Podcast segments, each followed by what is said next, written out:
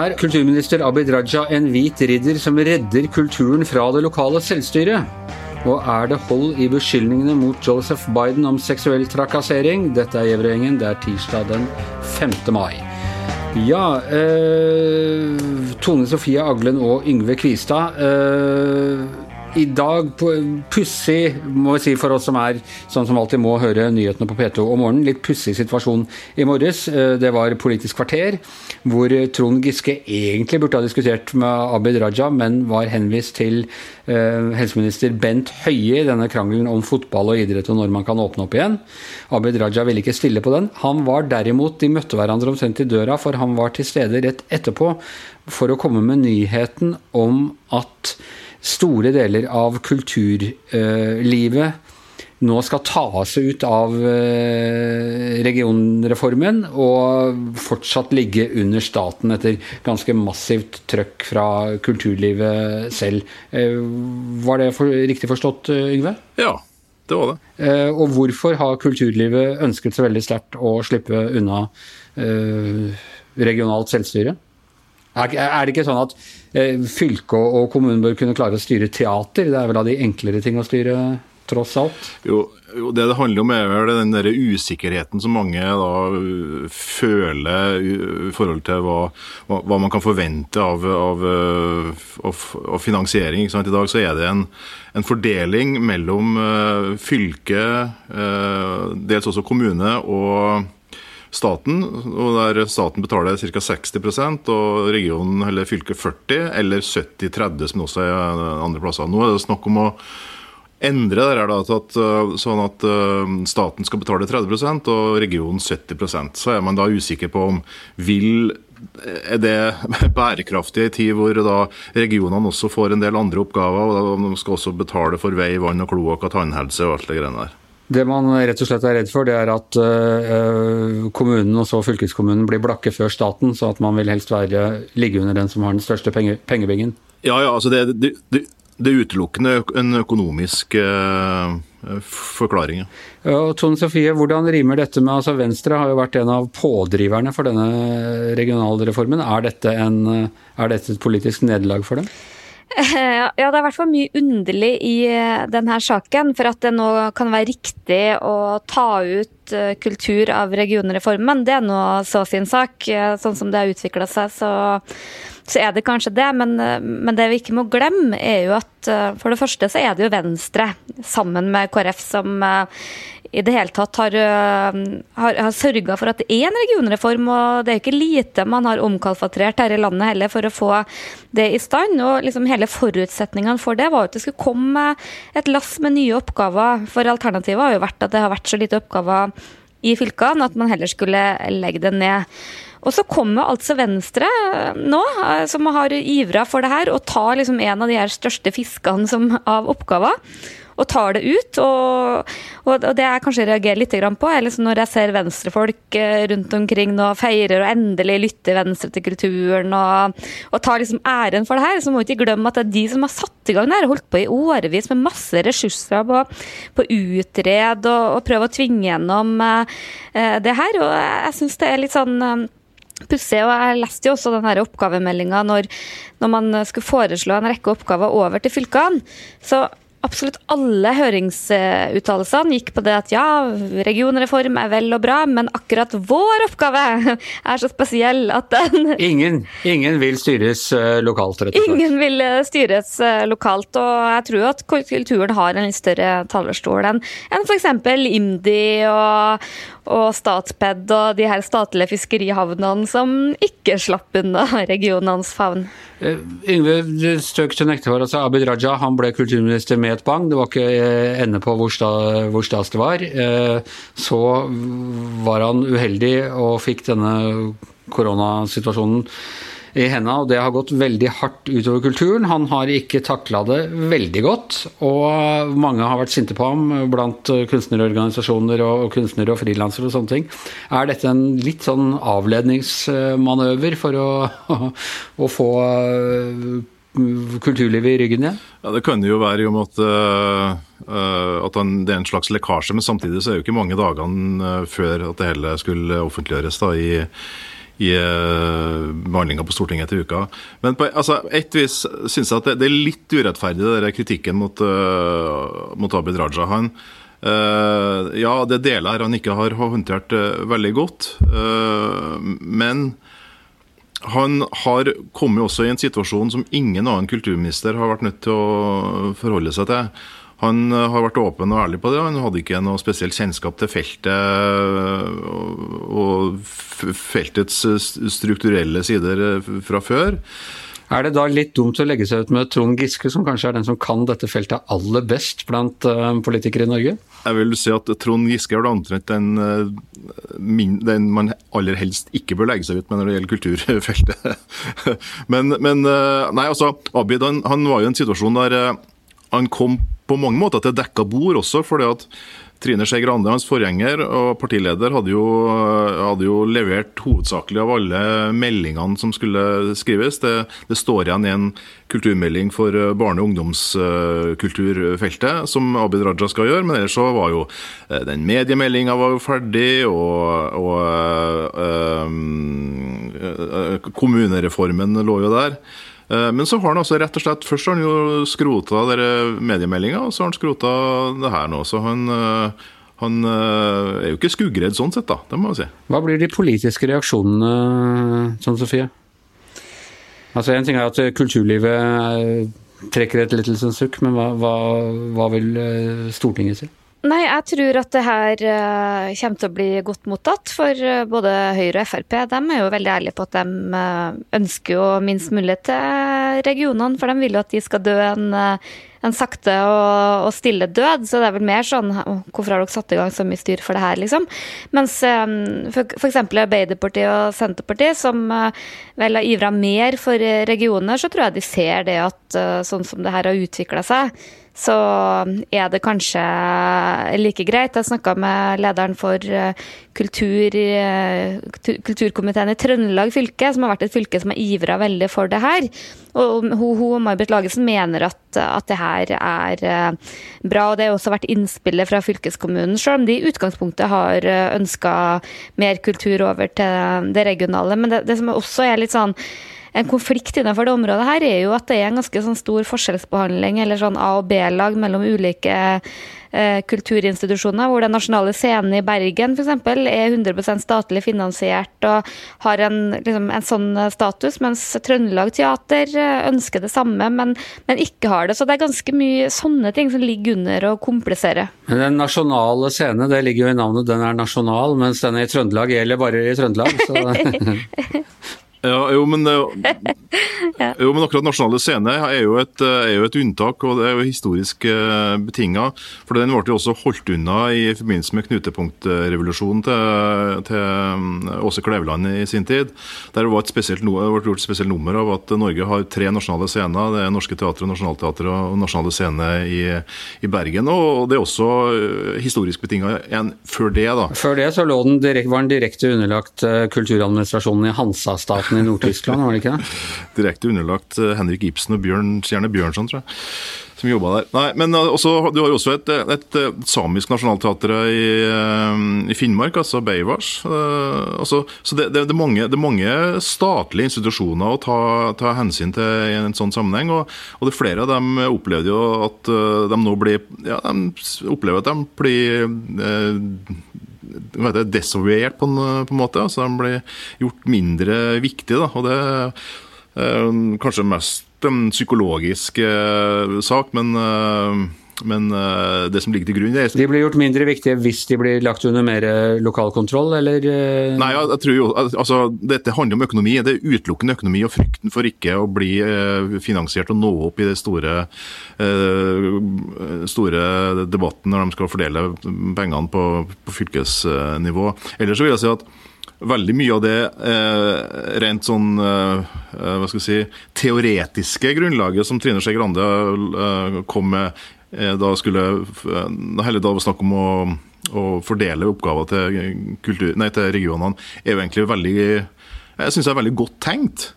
Men problemet er at selv om at de sier at ja, det skulle da det skulle da være øremerka midler og sånt, så er det jo ingen, De stoler jo ikke på det, og det er jo god grunn til også, for man har jo sett at veldig mye av øremerkinga ikke fungerer når det kommer til stykket. Men jeg tror vel ellers da av en politisk reaksjon, Anders, er Eh, nå, nå, tror jeg kanskje ikke den når veldig høyt opp på lista over viktige debatter i disse, i disse tider, men jeg tror nok en del kritikere vil være f.eks. Senterpartiet vil være enda mer kritisk til regjeringa som har satt i gang denne store reformen, og så blir det så lite igjen eh, av det.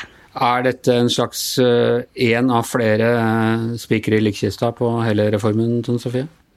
Nei, nå har man jo brukt enorme ressurser på å omstrukturere hele det her på å bygge, bygge ny eh, men, men, det er et eh, problem, for det, liksom det eh, Fylkeskommunene hang en tynn tråd. Skulle de ha legitimitet, skulle vi fortsette med det, så måtte det på en måte mer makt og oppgaver til, og så plukker man av det ene etter det andre. og Når man eh, får litt motstand, så er det fryktelig lite igjen. og Jeg har jo personlig vært eh, veldig for å ha et regionalt ledd, syns det er viktig. Men jeg kjenner at det er vanskeligere og vanskeligere å bli begeistra for det her eh, når det er så vanskelig å klare å, å få det livskraftig. Jeg er veldig spent på når man skal begynne å gå til valg på det her, hvordan man skal liksom klare å få engasjementet opp i en del av de, særlig de her nye, store regionene. Ja, jeg får litt inntrykk av at hele reformen er et uh, shakespeariansk drama. Stor ståhei om ingenting, og som uh, påklippet slutten fra Hamlet hvor alle dør i siste akt.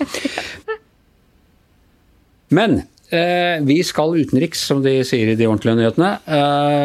per Olav Ødegaard. for over, over, et år siden, et par år siden så kom det fram at Joseph Biden, tidligere visepresident hos Obama og Eh, nå presidentkandidat for Demokratene, etter alle solmerker.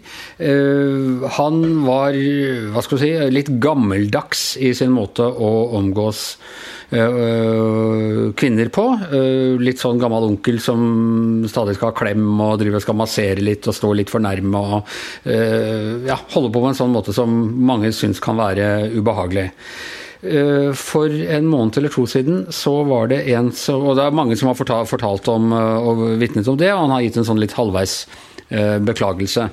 For omtrent en måned siden så sto det fram en dame som heter Tara Reed, og hun påstår at han i 1993, altså for 27 år siden, gikk enda lenger enn det. Han skal ha dyttet henne opp til veggen og ha befølt henne eh, mellom bena. Eh, hun skal ha varslet om episoden, ikke skrevet at det var seksuell trakassering, men at det var en ubehagelig opplevelse den gang. Stått en del om det i, både hos oss og i internasjonal presse, men det kommer nå en del kritikk fra høyresiden og fra Trump-forsvarere på at hvorfor griper ikke mediene tak i dette med den samme iver som vi grep tak i alle beskyldningene mot Trump? Ja. Hva tenker du om det? Jo, eh, altså Det som Trumps kampanje da, eh, angriper eh, både Biden og demokratene for, er jo ikke moralsk svikt. Det ville vært tatt seg litt eh, dårlig ut med tanke på at eh, eh, Donald Trump selv har jo vært anklaget av i hvert fall et dusin kvinner for ulike forhold. Jeg tror det er 14 søksmål, det. Ja, ok. Og, men det de anklager ham og demokratene for, er jo dobbeltmoral. At de legger en annen standard for sine egne politikere enn republikanere. Da. Og det er jo et argument som selvfølgelig mm, veier eh, ganske tungt. Og jeg synes jo at selve denne saken eh, egentlig krever en eh, nærmere granskning, og at man får vite mer hva, egentlig, hva som egentlig skjedde. I den grad det er mulig å finne ut av eh, så mange år siden. Eh, hun er jo, Det er jo da ikke backet opp av Det er ingen andre som har fortalt så øh, grove ting. Det er mer, mer sånn ubeha, litt ubehagelig oppførsel, mer enn denne her som er man, Slik hun framstiller er det jo rett og slett et seksuelt overgrep. Uh, hvor sterkt tror du det vil virke inn på valgkampen? Jeg tror det, er, jeg tror det vil virke inn på valgkampen fordi vi vet jo at uh, Biden han har jo i denne valgkampen uh, og i sitt uh, program også fokusert ganske mye på betydningen av metoo, innsats mot seksuell trakassering, styrke lovverk, alle disse tingene. Og vi vet at um, en, en, demokratisk kandidat som skal ha noen som helst håp om å vinne, han er nødt til å ha et ganske stort flertall av de kvinnelige velgerne med seg. Barack Obama hadde jo et stort flertall av de kvinnelige velgerne. Og det å bidra til å gi, ga, gi ham seieren i to presidentvalg. Eh, og eh, det har også meningsmålingene til nå vist at eh, Biden står langt sterkere blant kvinner enn blant menn. Så dette er en sak som kan svekke ham og være et problem. Men vi ser jo her at her er det hun sier og han sier, og vi kan kanskje se litt på hva de, hva de faktisk sier om hva som skjedde. Ehm, for henne så var det jo, som du sa, at hun eh, klaget ham inn for denne personalkontoret i Kongressen, sier hun. Hun har ikke noen kopi av den eh, anmeldelsen, og det er ikke funnet noen slike papirer ennå, men det kan jo finnes. Da var det at hun var at det var ubeha noe ubehagelig. Hun er ikke sikker selv på om hun brukte ordet seksuell trakassering. Jeg tror hun mener at hun ikke brukte det ordet, for det er noe sånn uh, arkiveringsord, så da ville de ha funnet det. Ja. Men hun mener at hun har brukt andre ord som da er mer uncomfortable og, og sånne ting. Og hun skal ha fortalt uh, både uh, slektninger og venner i tiden etterpå at det var ubehagelige ting som hadde skjedd, at hun hadde og hun sluttet jo, da. Og hun ser selv at hun fikk sparket pga. dette her, og det er også litt uklart. Eh, han sier jo da at ingenting han, veldig, han konfronterte jo selv først nå i helgen på amerikansk TV på søndag, var det vel, hvor han sa at det er ikke sant, det skjedde aldri. Eh, før det, i de ukene før Tara Reeds En ting var seksuell trakassering, men dette med seksuelle overgrep det tror jeg først kom fram i en podkast i mars. Og så er det ganske mange aviser som har intervjuet henne siden. Mm. Eh, og eh, så var det først da folk i Bidens stab som eh, kommenterte dette og, og, sa at det ikke var noe i det. Eh, de har også snakket med folk som jobbet på Bidens eh, kontor. Han satt jo da som senator i 36 år, og dette var i hans tid som senator. Eh, Tara Reed jobbet for ham. De som jobbet på kontoret, har ikke støttet opp under hennes forklaring. Men Og Biden har jo da selv sagt at det at de må da eh, finne ut uh, disse, at disse papirene som ligger i de nasjonale arkivene, uh, som da kan understøtte de, de, papirene må fram, de dokumentene må fram. Han har gått ganske høyt ut og sagt at, at her skal, skal ting frem. Han virker ganske sikker på at det ikke ligger noen sånne papirer der, må man kunne si. Ja, og, og, og, eller at det er et ganske, og det er et ganske høyt spill da, i så fall, hvis de skulle gjøre det. Og så blir det jo da et spørsmål eh, hvem man tror på og ikke tror på her. Men jeg tror nok at det er Jeg tror nok også på Bidens del, for demokratenes del og for, og for alles del, og ikke minst for um, Tara Reed sin skyld, så bør man jo virkelig gå prøve å komme grundigere inn hva som, hva som egentlig foregikk, og, og, gjøre alt for å avdekke det som, var, som skjedde den der vårdagen i eh, en eller annen korridor i 1993. Ja, for altså, Én ting er Trump, og der var det jo det var en mye mer omfattende sak, og man hadde ham på tape. og, og Eh, dette var forhold både til Playboy-modell og pornostjerne og jeg vet ikke hva. Langt mer dokumenterbart, det, det, hele. Men den saken jeg tenker på her, er jo mot han høyesterettsdommeren. Eh, Kavanaugh, Brett Kavanaugh. Mm. Eh, det var jo et eh, eh påstått overgrep som lå enda lenger tilbake i tid. Helt tilbake til 1983, altså ti år før dette her igjen. Han måtte gjennom en full senatshøring utelukkende basert på en påstand som ikke kunne eh, dokumenteres i noen bedre grad enn det eh, påstanden eh, mot Biden. Og her kan vi vel i hvert fall snakke om en dobbeltstandard, hvis ikke demokratene virkelig tar denne saken her på alvor. Ja, og Kavanaugh ble jo da også høyesterettsdommer etter hvert, selv om det var en veldig Etter en kraftig ydmykelse? Det må man si, men han ble nå det. Og det er mulig at Biden også kan bli president selv med denne, med denne eller lignende anklager. Jeg tror nok det som plager litt både Biden nå og hans kampanje, er jo dette uh, Tara Reid var en av flere kvinner, mm. tror det bare et dusin eller noe sånt, som sto fram og snakket om at uh, han var at han sånn som drev sånn uønsket oppmerksomhet, seksuell oppmerksomhet, altså, men det handlet om å ta rundt dem, og, og sånn som du nevnte i stad, og liksom litt for intimt eh, enn hva de syntes var komfortabelt. Det er nå én ting, det, men noe ganske annet er dette å, å, om, å, snakke om seksuelle overgrep, som nå er kommet frem. og Det er en såpass alvorlig anklage at det må man på en måte finne mer ut av. Så må det også sies at Biden har jo eh, litt frynstig rykte her allerede, selv om det er mange som liker han og han er sånn gode gamle onkel Joe. Han var altså saksordfører under disse Anita Hill-høringene eh, i Senatet. Det var vel omtrent på den tiden, året, året før eller, eller noe sånt, hvor det var altså en høyesterettsdommer som ble anklaget av en eh, tidligere underordnet, Anita Hill, for seksuell eh, trakassering, godt stykke tilbake i tid. Eh, Biden ledet de senatshøringene, og da var han veldig på han høyesterettsdommerens parti, og mente nærmest at denne type beskyldninger hørte hjemme i privatlivet. Ja, og det er jo nettopp dette som han møter igjen nå, og det har også gjort at han da har forsøkt å være veldig på offensiven når det gjelder slike saker. Altså med å fremme og, og si dette at alle, alle metoo-saker må granskes. All, kvinners, um, det, det, kvinner sier har skjedd, det må tas på høyeste alvor. Han har vært veldig tydelig på disse tingene i valgkampen. Han har vært også talsmann for å, liksom, styrke um, lovverket på det området. Uh, og nettopp for å på en måte vinne støtte blant de kvinner som også og menn som kan være skeptiske nettopp på, nettopp på, dette grunnlaget her som du nevner. Og da kommer jo denne saken veldig uheldig ut for ham. Det er klart det gjør. Og um, på et, på et Saken kom opp i mars, og på omtrent akkurat det tidspunkt hvor det var klart at han ville bli demokratenes kandidat, så, um, så kan man jo spørre seg, stille spørsmål om timingen for den avsløringen da. Men uansett så fortjener de Eh, anklagene å bli tatt på alvor. Da. Vi får, eh, vi får, eh, se hvordan det går. Kan jo også legge til at man trodde at Trump, Noe av grunnen til at man trodde Trump kom til å tape valget, var jo disse avsløringene, grab him by the pussy osv. For man regnet med at kvinnelige stemmere ville vende ham ryggen, men det gjorde de altså ikke. De republikanske kvinnene stemte på Trump, de også, så det er ikke sikkert at sånne ting har all verdens ting å si. Det var det vi rakk på Giæver og gjengen i dag. I hvert sitt hjemmestudio Tone Sofie Aglen, Yngve Kvistad, Per Olav Ødegaard. Jeg heter Anders Giæver, og vår uh, produsent hevet over enhver mistanke og fritatt for alle beskyldninger uh, 30-40 år tilbake i tid, heter Magne Antonsen. Vi høres igjen i morgen.